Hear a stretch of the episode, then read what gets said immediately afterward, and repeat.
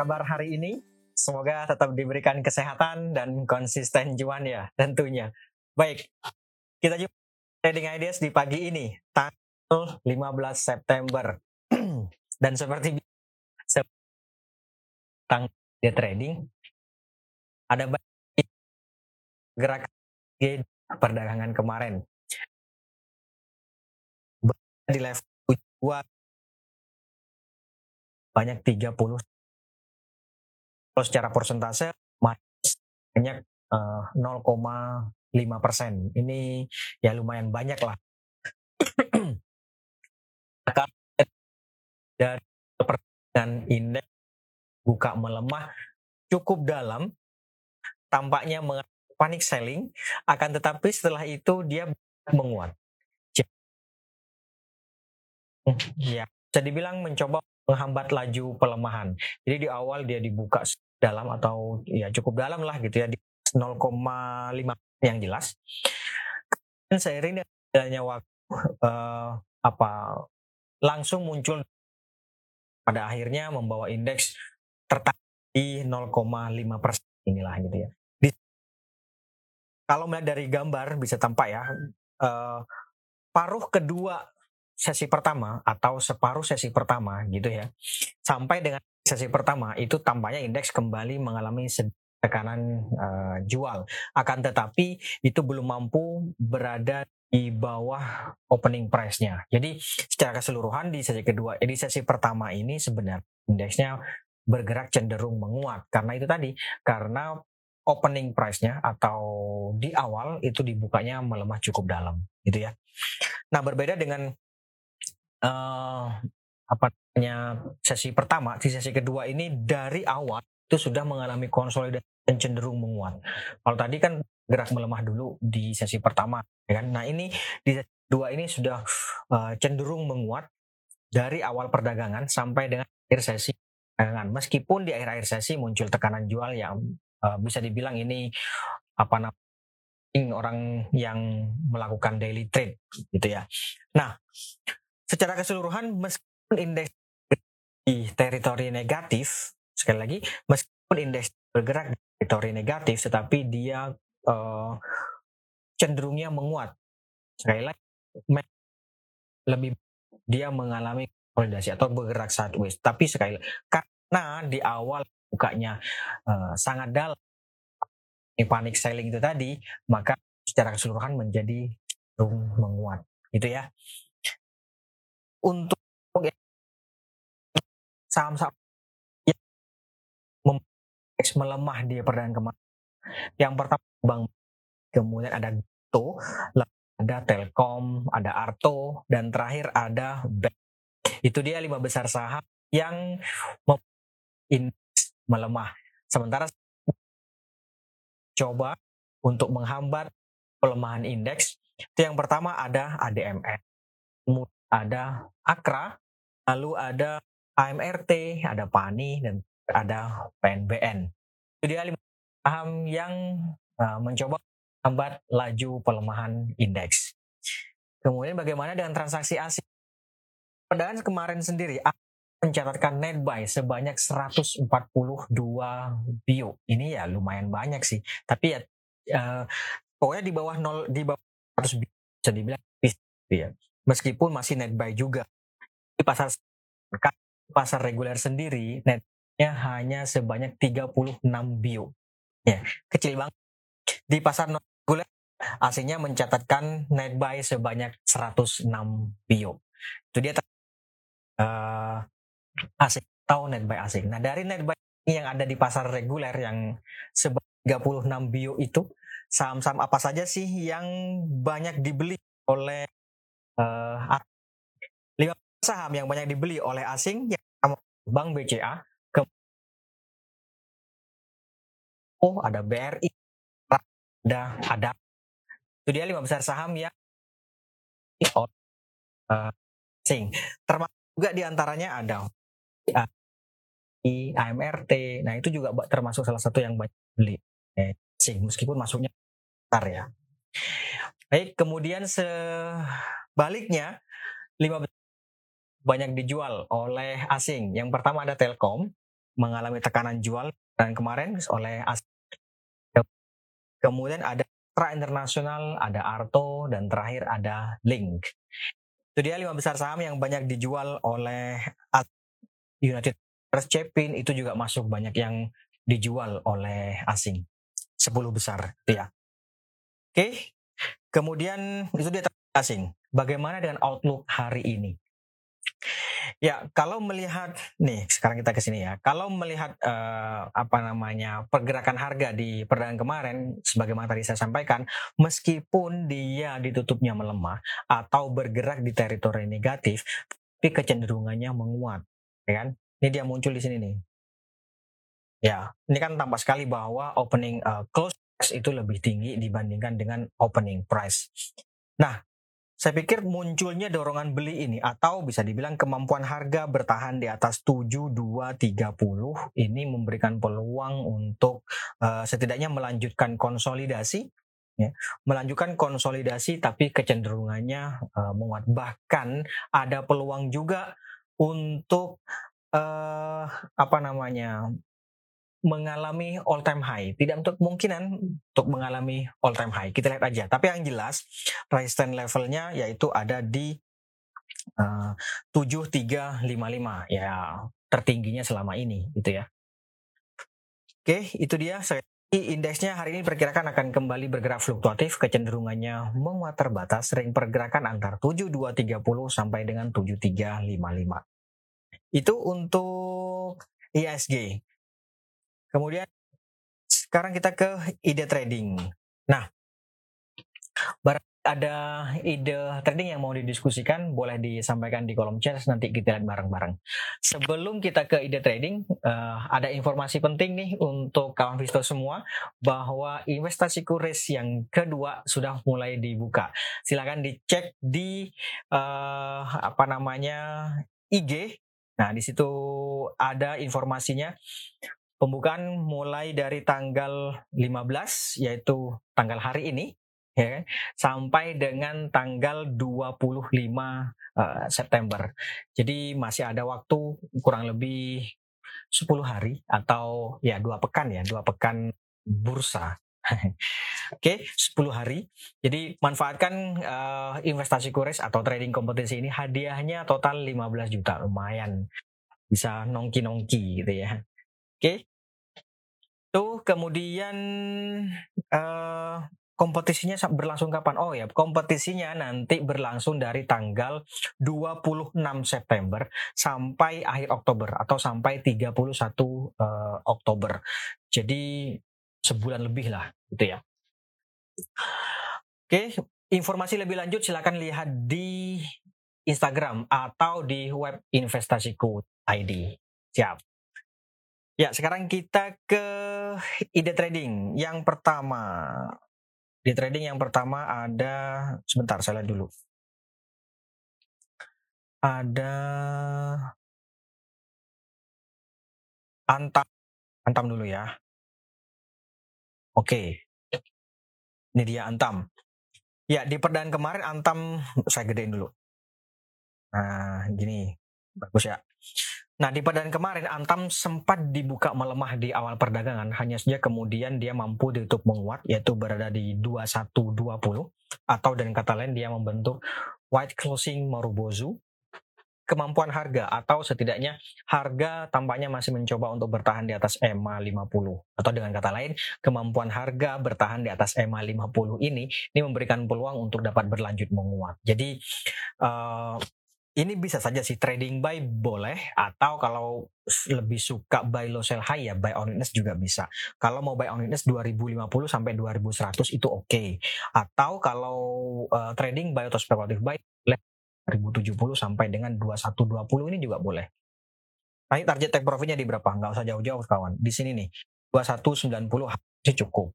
Apalagi kalau misalnya dapat harga di 2070 deh. Dapat harga 2070 atau harga di 2100 bahkan 2190 uh, bisa sih dipertimbangkan untuk take profit terlebih dahulu. Ya di atasnya itu ada 2270 sih memang. Ya cukup tinggi lah ini kawan nih. 2270. penguatan di atas 2190 itu peluangnya sampai ke 2270 dan ini ya bisa dibilang take profit cukup ideal lah ya di 2270 gitu. Tapi seandainya misalnya harga gagal atau belum mampu bergerak di atas 2200 mending take profit aja dulu gitu ya. Nanti kalau naik lagi ikutan lagi. Oke, itu untuk Antam. Nanti stop lossnya di berapa? Ya stop lossnya sih idealnya sih di bawah 2000 ya di bawah level psikologis 2000 jadi misalnya nih dapat harga di, di 2050 ya atau dapat harga di 2070 misalnya ya boleh sih pertimbangkan untuk amankan modal jika harga melemah di bawah 2000 gitu ya oke itu untuk antam kemudian kita lanjut ada raja Raja. Ya, Raja ini tidak banyak perubahan. Kemarin dia uh, melemah dua poin.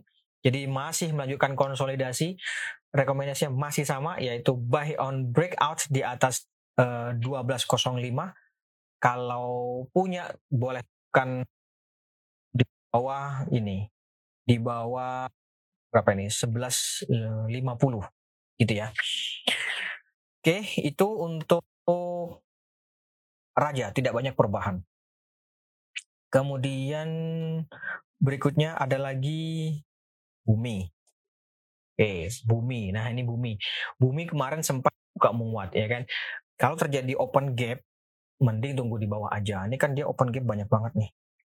Di banget gitu ya. Dia kemarin dibukanya di 220 uh, sorry, di 216 ya bisa di nggak open gap juga sih. Cuma yang jelas dia kalau dibandingkan dengan closing price-nya tentu gap gitu ya. Tapi kalau dibandingkan dengan uh, higher uh, price harga uh, tertinggi sebelumnya maka uh, tidak mengalami uh, gap up sih sebenarnya gitu ya. Nah, uh, dengan kondisi seperti ini sekali lagi idealnya bagi yang baru mau masuk ini mending buy on weakness tapi kalau view-nya adalah short to medium uh, bagi yang sudah punya boleh saja di hold tapi kalau sudah patah nanti trendnya ya mau dikata apa lagi gitu ya ya kalau trennya patah ya udah keluar aja gitu kan ya, ya. jadi sekali lagi kalau uh, bagi yang baru mau masuk buy on weakness boleh di 186 ke bawah itu cukup ideal lah gitu ya. Artinya uji sampai uji uptrend ini. Gitu kan ya. Bagi yang sudah punya boleh di hold, tapi misalnya dia gagal di sini di bertahan di atas uptrend line ini ya ada baiknya dipertimbangkan untuk uh, apa namanya keluar terlebih dahulu, amankan keuntungan. Gitu ya.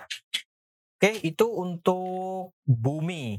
Berikutnya ada BCA. Nah, BCA ini kemarin memang ditutup melemah, sempat uh, dibuka apa namanya di bawah, ya kan? Yang jelas meskipun harga ditutup melemah, tetapi closing price-nya itu tinggi dibandingkan dengan opening price. Artinya apa? Artinya meskipun dia ditutup melemah, tetapi dorongan beli itu lebih mendominasi pergerakan harga. Gitu. Jadi saya meskipun dia ditutupnya melemah atau ya bergerak melemah gitu ya, atau ditutup melemah, tapi yang jelas dorongan beli itu tampaknya lebih mendominasi. Tuh. Nah, untuk yang short term tetap saja sih mau dikata apa lagi, buy on weakness itu lebih pas untuk yang short term fluktuasi jangka pendek sama kan seperti kemarin. Jadi meskipun uh, sebelumnya di YouTube menguat, tetapi untuk buy untuk jangka pendek mending buy on weakness. Begitu nanti buy on weakness muncul dorongan beli dorongan beli kan seperti itu ya. Nah ini ya kurang lebih gitulah di beberapa hari terakhir ini. Itu untuk yang jangka pendek, tapi untuk yang jangka menengah ke atas atau short to medium ke atas lah gitu ya Ya, boleh saja sih spekulatif buy atau bahkan kalau untuk medium to long bahkan long term ini buy aja lah. Gitu ya. Jadi eh, nggak uh, ada mati. Pokoknya kalau untuk long term ya udah boleh sih buy. Cuman ideal nggak kalau buy meskipun untuk long term? Nah, ini dia pertanyaan kan. ideal nggak? Nggak banget sih. Cuman menurut saya sih cicil juga nggak ada masalah sih. Tapi view-nya term ya. Kalau mau di long term mau ideal banget ya mesti nunggu juga sih. Buy on witness 7.500an cukup lama kan. Ya nggak? Mending uh, kalau view-nya long term boleh dicicil. Cicil aja lah pokoknya gitu ya. Oke, itu untuk BCA. Mudah-mudahan bisa dipahami. Kemudian berikutnya ada apa nih? Pegas, ada pegas. Bentar. Pegas. Ya, Pegas di perdagangan kemarin dia ditutup melemah juga, tapi tampaknya harga masih mencoba untuk bertahan di atas M eh sorry, EMA 20 nih kawan. Dan sebenarnya ini memberikan peluang sih untuk bergerak rebound. Akan tetapi resistance level terdekatnya itu kan di sini nih yaitu di berapa nih? 1860 ada baiknya dipertimbangkan untuk buy on breakout saja di atas 1860 itu kawan. Kalau besoknya buy low sell high mau gimana lagi gitu ya. Nah, saya kalau buy on breakout itu anti misalnya seperti itu ya nggak apa-apa. Berarti mesti nunggu di 18 di sini kawan buy on indexnya di 1800. Kalau dapat harga di katakanlah 1800 nggak usah jauh-jauh tapi 1840 sampai 1860 itu sudah boleh dipertimbangkan untuk take profit. Itu ya. Tapi sekali lagi kalau mau cukup ideal ya mending buy on breakout saja di atas 1860. Nanti kalau dapat harga di atas 1860 take profitnya di berapa? 1920 kemudian di atasnya ada 1950 lalu 1990 ya level psikologis 2000 boleh juga sih. Gitu ya. Oke itu untuk Pegas. Kemudian berikutnya ada Tins. Tins. Nah Tins ini sebenarnya cukup menarik. Saya gedein dulu. Nih.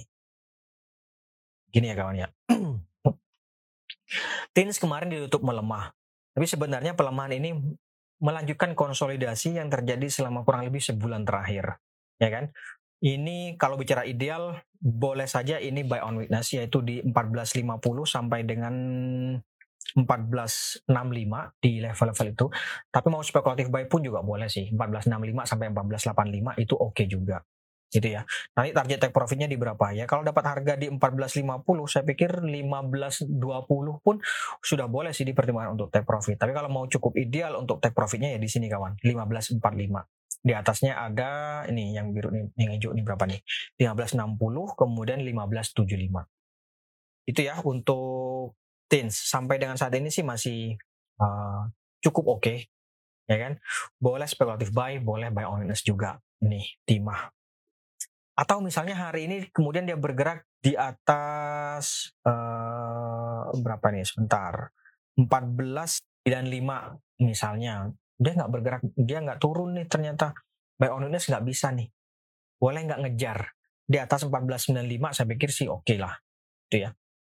1495 sampai 1505 boleh sih spekulatif. Buy di level-level itu ya nanti target take profitnya ya kembali. 1565 kemudian uh, 1575. 1565, 1575 oh, boleh sih atau 1560 juga boleh. Oke, itu untuk timah. Kemudian berikutnya ada antam tadi sudah ya. Antam tadi sudah, kemudian SMMT. SMMT. Nah, ini dia SMMT. Ya, kurang lebih sama sih. Uh, dia mengalami konsolidasi sudah dua bulan terakhir, tapi gap, uh, bukan gap, spreadnya banyak, spreadnya lebar. Nih, bisa kelihatan nggak? Gini ya, harusnya sih kelihatan ya. Nih, spreadnya di sini nih, 7.050 sampai 965, 965, 750, 965, spreadnya di situ. Jadi uh, konsolidasi tapi uh, spreadnya lebar dengan kondisi seperti ini, kemarin dia mengalami tekanan jual meskipun sempat dibuka menguat di awal perdagangan, hanya saja kemudian kan ditutup melemah atau mengalami tekanan jual.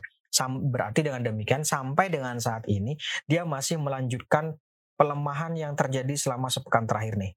Ini kan ini kan melemah nih sampai nih. Jadi idealnya dengan seperti ini adalah buy on weakness 795 ke bawah atau ya boleh aja di sini nih 750 sampai dengan 775. Nah, itu boleh coba pertimbangkan buy on weakness di level itu. Gitu ya. Kalau dapat harga di 750 nggak usah nunggu sampai 950 sih menurut saya ya. Walaupun idealnya ya di situ, tapi harga 750 ya 795 take profit dulu gitu ya. Enggak bahkan di bawah closing kemarin. Ya enggak? Nah, nanti kalau bisa di atas itu volumenya mendukung lagi, ya ikutan lagi gitu-gitu kawan. Namanya juga trading, ya enggak? Oke. itu untuk uh, eh, SMMT. Kemudian kita lanjut. PNBS. Nah, PNBS kurang lebih sama nih. PNBS ini Panin Bank Syariah. Ini dia. Dia mengalami konsolidasi, mudah-mudahan kelihatan. 70 sampai dengan 80, 70, 80, 70, 80 gitu ya. Kalau melihat perdagangan kemarin kan dia uh, tampaknya bergerak menguat nih. Ya, uh, ada dua nih strateginya. Yang pertama adalah buy on breakout di atas 77, tapi nanti take profitnya hanya 80 di sini kawan, ya kan? 80 di atasnya ada 83 sih. Jadi yang jelas resistance level terdekatnya itu 77 nih di sini ya 77 kemudian 8 8 ya boleh pertimbangkan main di level-level itu. Kalau supportnya di supportnya 73 kemudian eh, uh, 70 gitu ya. 71 ini ini 71 sih cuman bisa ini uh, lebih kuat 70 dibandingkan ini kan 70 69 ya di sini nih. Gini kawan ini ya 69 kemudian 71 bolehlah gitu 73 69 71 73 nah di level-level itu uh, supportnya. Boleh juga pertimbangkan main di level-level itu. Itu ya untuk PNBS berikutnya lihat lagi. Ada BMTR oke BMTR nah BMTR ini sampai sekarang masih konsolidasi, melanjutkan konsolidasi. Jadi kalau misalnya TikTok kan ini dari kemarin-kemarin kalau misalnya TikTok kan udah uh, berkali-kali sih harusnya, ya nggak sih? Resisten levelnya kan di sini nih, 384 ya kan. Kemudian di bawahnya ada 3 uh, sebentar saya gedein dulu deh. Nah, nah nih. Jadi misalnya hari ini dia bergerak menguat di atas 376, saya pikir nggak apa-apa sih ikutan lagi tapi nggak usah jauh-jauh lagi. Mainnya di level-level ini aja dulu 384 380 sampai 384 take profit lah di level-level itu gitu ya.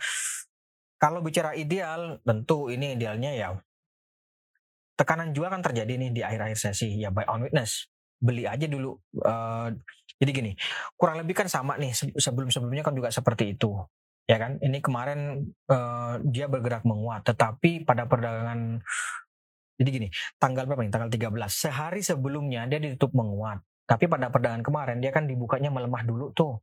Ya kan? Nah, melemah dulu kemudian bergerak naik, bergerak naik, bergerak naik kan seperti itu.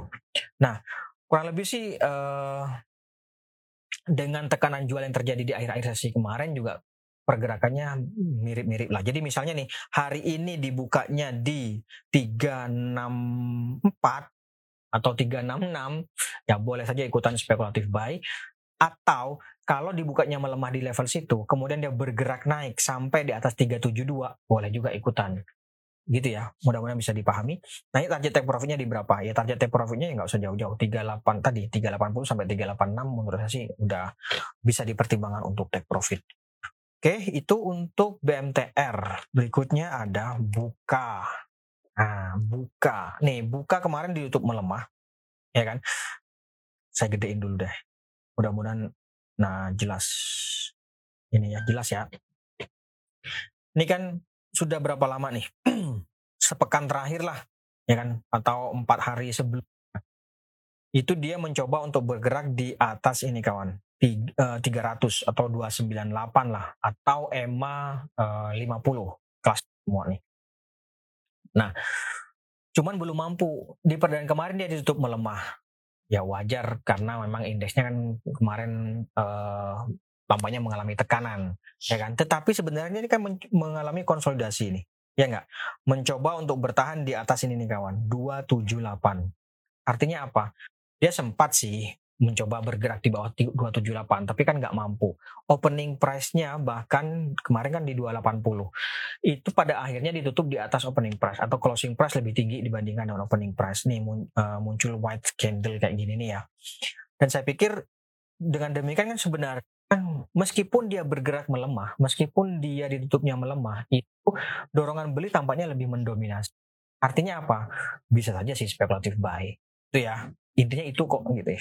Udah nggak usah ribet-ribet ke mana-mana. Ya saya menjelaskan filosofinya aja sih. Dua sampai dua lepas. Boleh spekulatif buy di situ nanti target take profitnya di berapa? 290 uh, 294 kemudian ya level psikologis 298 atau 300 di level-level itu. Gitu ya kita bicara yang instan-instan nggak usah ini dulu deh. Oke berikutnya dewa. Dewa Nah, dewa ini bagi yang tertarik mending tunggu di bawah buy on witness saja. Atau kalau hari ini dia bergerak menguat di atas 85 ya boleh dipertimbangkan untuk ikutan.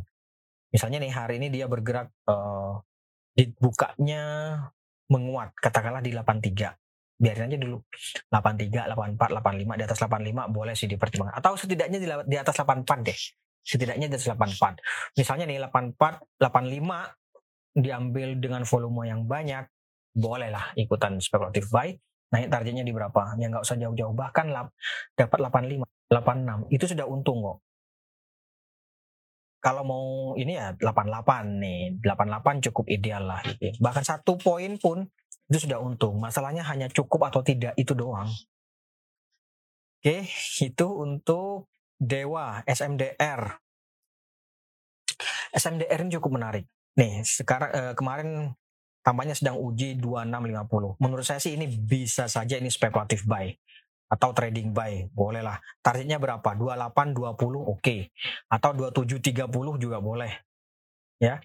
27 30 cukup nggak? Kalau cukup take profit aja dulu di situ. Nanti di atasnya kita ikutan lagi target take profit mungkin 28 20. Itu.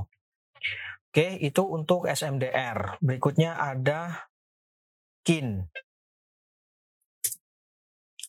Nah, kin ini buy on breakout. Nih, di atas ini. Kita oh ini aja ya, langsungan aja ya. Di atas 765. Masalahnya kemarin kan 715. 765 kan masih jauh. Oke, kalau gitu di atas 730 setidaknya. Buy on breakout di atas 730. Kemudian take profitnya nggak usah jauh-jauh. 765 udah mulai take profit. Bahkan 750 sudah bisa dipertimbangkan untuk take profit. Penguatan di atas itu ya ntar ikutan lagi kita. 800 kemudian 850 nanti. Gitu ya. Itu untuk KIN. Terakhir ada ADMR ya. ADMR kemarin untuk menguat, ini sebenarnya cukup menarik. Ya kan? Nih. Cukup menarik sih. Dia bergerak di atas 1895 ini cukup menarik. Ada peluang untuk berlanjut. Hanya saja kan biasanya ketika terjadi long white, dia akan cenderung mengalami koreksi. Jadi, misalnya hari ini dia dibukanya melemah, dan masih bertahan di atas 1895 boleh ikutan spekulatif buy atau dibuka melemah kemudian naik di atas 1960 bisa saja diikutan uh, spekulatif buy juga itu ya Baik, saya pikir itu dulu kawan Visto untuk hari ini. Terima kasih atas kehadiran dan partisipasinya. Kita jumpa lagi besok. Mohon maaf jika ada salah kata. Tetap jaga kesehatan. Sekali lagi terima kasih. Selamat pagi. Salam investasiku for better tomorrow. Tomorrow.